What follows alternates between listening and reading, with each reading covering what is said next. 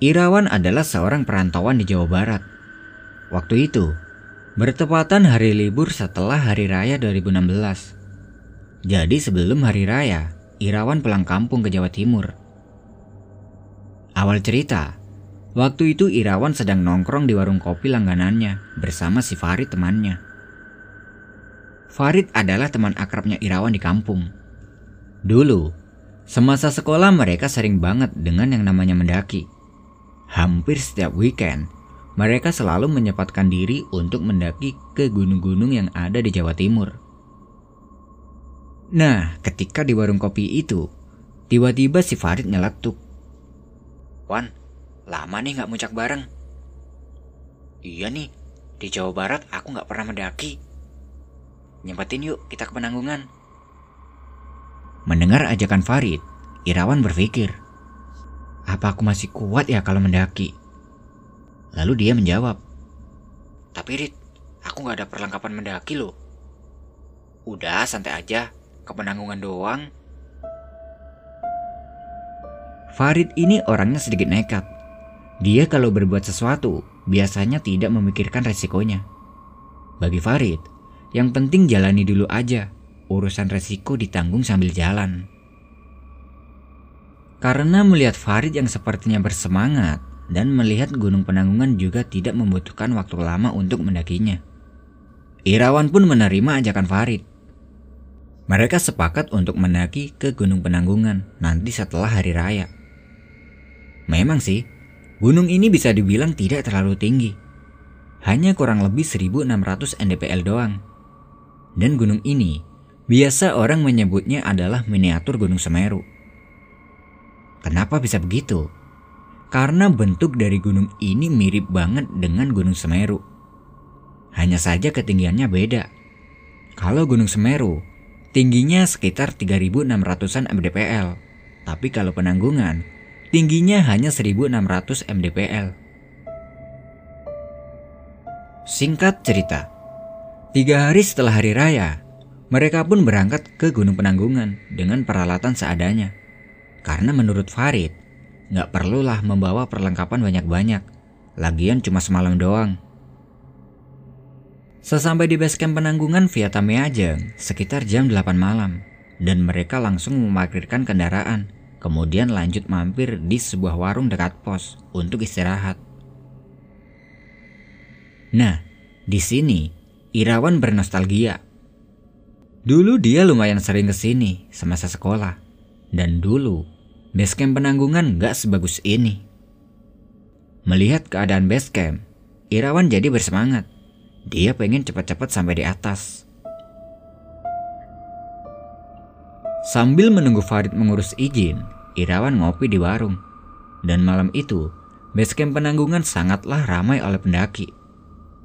Ya maklum, ini kan musim libur, jadi banyak pendaki yang menyempatkan dirinya untuk mendaki malam ini.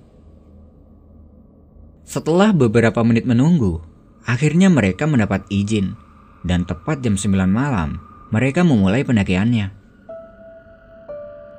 Dalam perjalanan menuju ke pos satu ini, sebagian jalannya didominasi bebatuan dan dominan menurun hingga sampai di pos 2.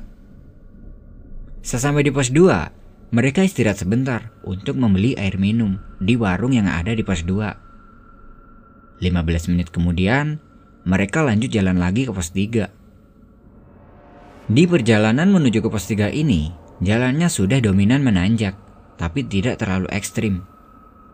Karena Irawan merasa kelelahan, kira-kira di pertengahan antara pos 2 menuju ke pos 3. Dia mengajak Farid untuk break di sebidang tanah. Sambil break itu, mereka menyempatkan membuat kopi. Jadi jalan mereka waktu itu nyantai banget. Lagian mereka juga tidak mengejar sunrise. Niatnya mendaki ini adalah ngopi di ketinggian. Sambil ngopi, mereka menawari beberapa pendaki yang berjalan naik. Mas, monggo ngopi dulu. Setelah beberapa orang mereka tawari, akhirnya ada satu dari tiga orang yang mau bergabung dengan mereka.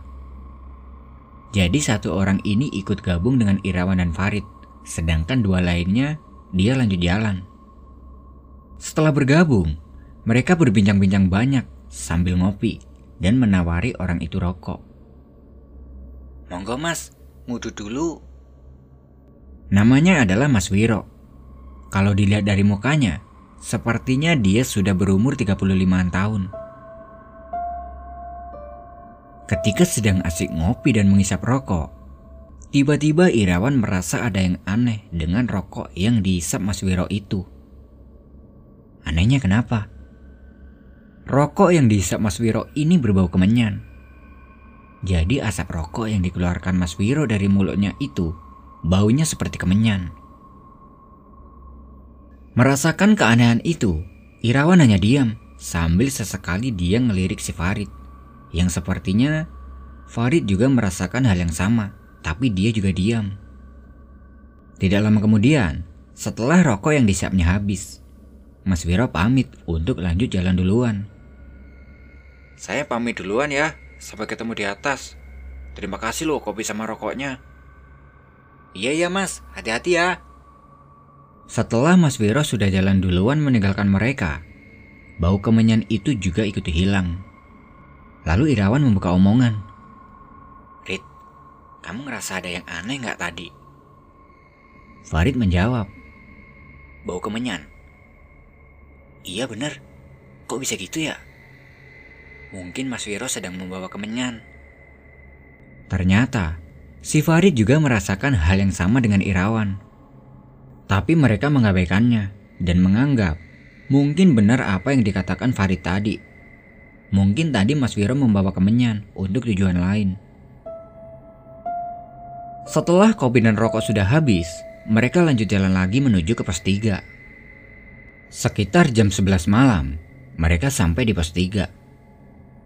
Sesampai di pos 3 mereka istirahat lagi di depan bangunan shelter pos 3. Dan malam itu, di pos 3 lumayan ramai oleh pendaki. Sampai-sampai mereka tidak mendapat tempat istirahat di bangunan shelter karena sudah penuh. Nah, ketika sedang istirahat itu, mereka melihat Mas Wiro baru sampai di pos 3. Melihat Mas Wiro, Irawan bilang pada Farid, Itu kan Mas Viro. Kok dia baru sampai di sini? Padahal tadi dia kan jalan duluan dan kita nggak merasa mendahuluinya. Farid menjawab. Iya ya. Apa mungkin tadi dia berhenti terus kita nggak ngelihatnya? Mereka pun teriak memanggil Mas Viro yang sedang berjalan. Tapi sepertinya Mas Viro tidak mendengar teriakan mereka. Dia terus lanjut berjalan dengan cepat tanpa berhenti di pos 3. Karena Mas Wiro tidak mendengarnya, mereka pun membiarkannya. Setelah kurang lebih 20 menit istirahat, Farid mengajak Irawan untuk lanjut jalan lagi menuju ke pos 4. Jalur menuju ke pos 4 ini semakin menanjak dari sebelumnya. Sampai beberapa kali Irawan meminta untuk break. Sesampai di pertengahan antara pos 3 menuju ke pos 4, Farid mengajak Irawan untuk belok dan ambil jalur sebelah kanan. Karena menurut Farid, kalau lewat jalan itu jalannya lebih mudah untuk dilewati daripada jalur utama. Irawan yang tidak tahu hanya nurut aja dengan apa yang sudah dibilang Farid. Lalu mereka melipir dan ambil jalur kanan. Mereka pun berjalan melewati jalur kanan itu. Dan memang sih, jalurnya itu lebih enak daripada jalur utama. Kalau di jalur utama, jalannya itu licin dan berdebu. Sedangkan di jalur ini lebih banyak rumput untuk pijakan, jadi nggak licin. Ya walaupun jalurnya sangat sempit, karena kiri kanan masih kerap ditumbuhi semak-semak liar. Lama berjalan, tapi jalur yang mereka lewati ini semakin lama semakin rimbun. Hingga beberapa kali mereka membelah semak-semak untuk membuka jalan. Di sisi lain, di jalur itu mereka juga tidak bertemu dengan satu pendaki pun. Irawan berpikir, apa ini benar jalurnya? Tapi melihat Farid yang tidak mengatakan apa-apa, Irawan pun mencoba untuk yakin.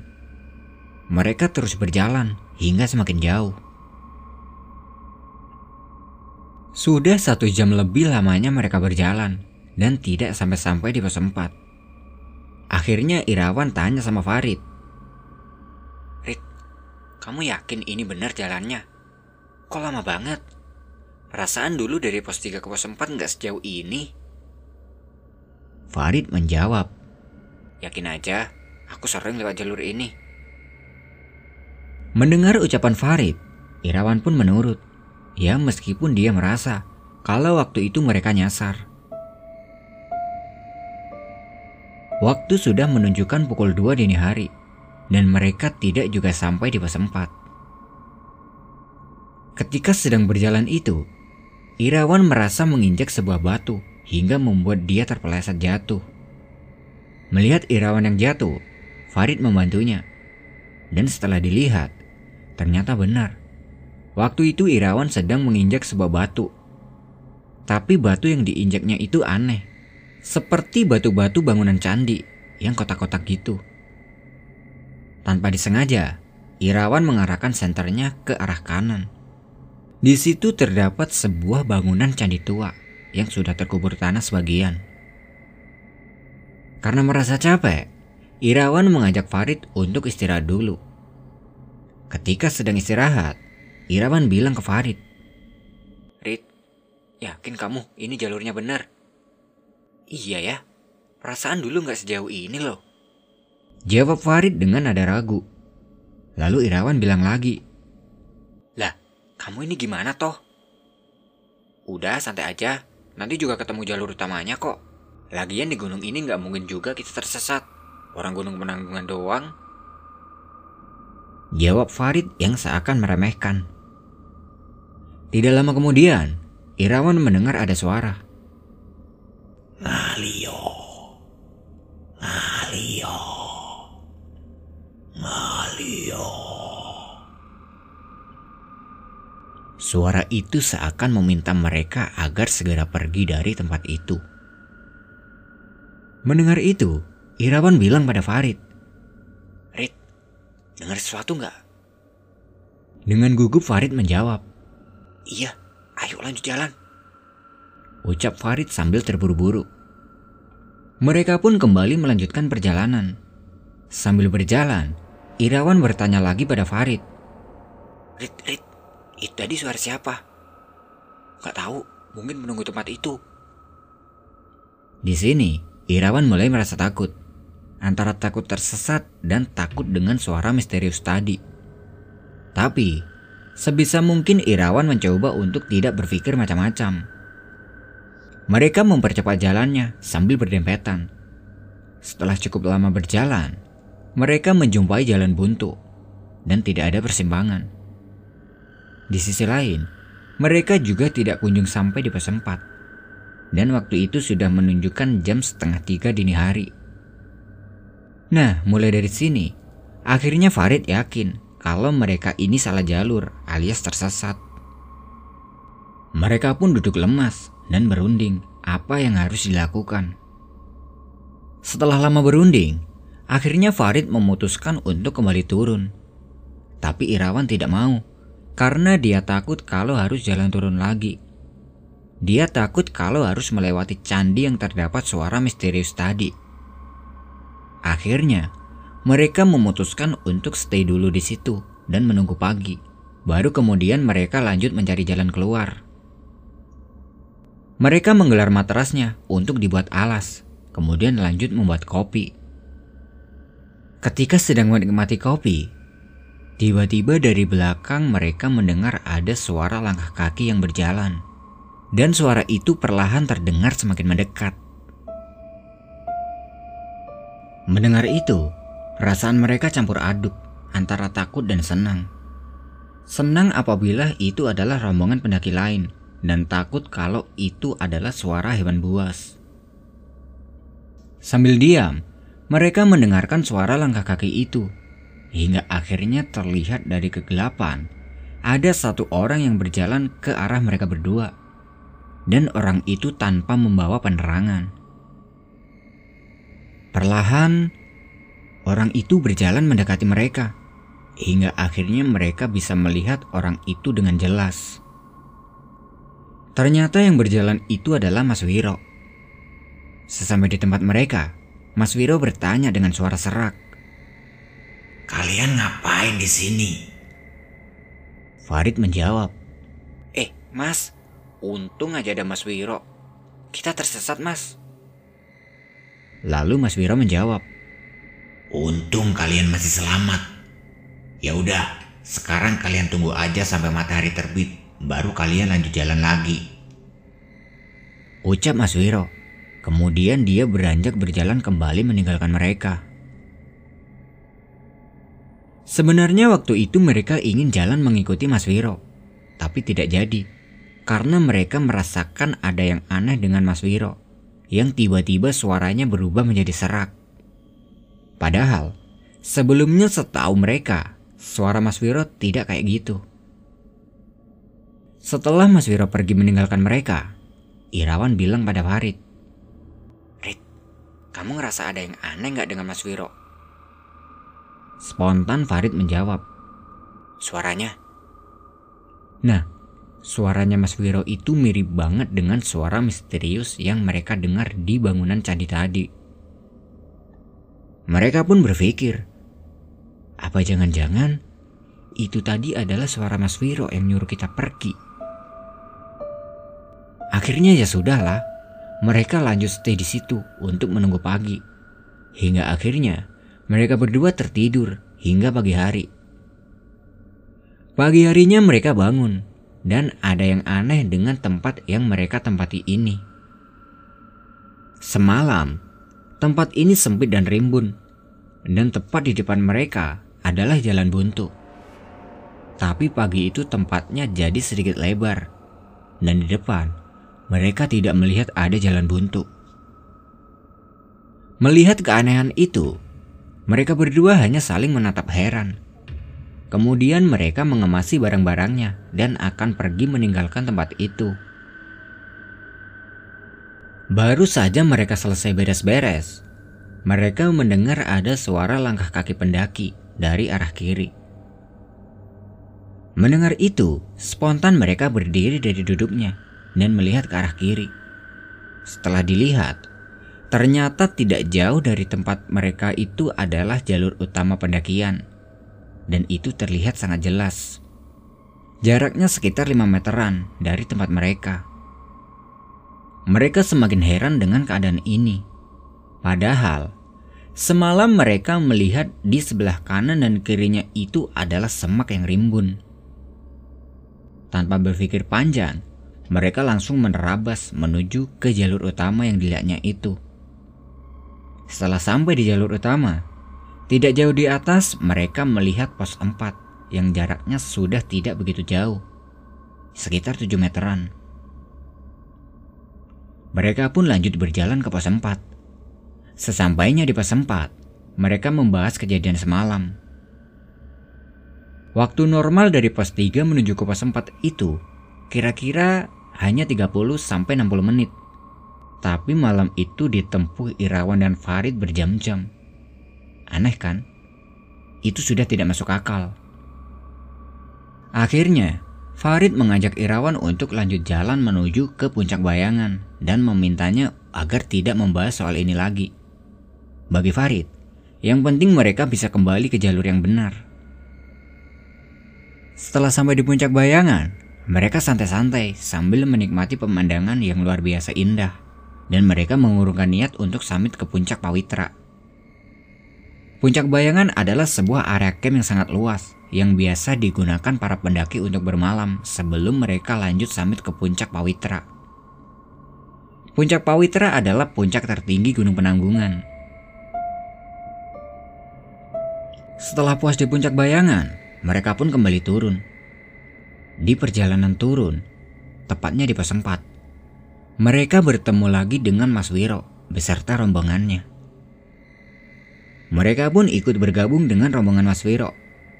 Setelah bergabung, Farid tanya sama Mas Wiro. Mas, semalam naiknya lewat jalan mana? Lalu Mas Wiro menjawab. Ya lewat sini toh, mau lewat mana lagi? Jawab Mas Wiro dengan suara aslinya dan tidak serak seperti semalam.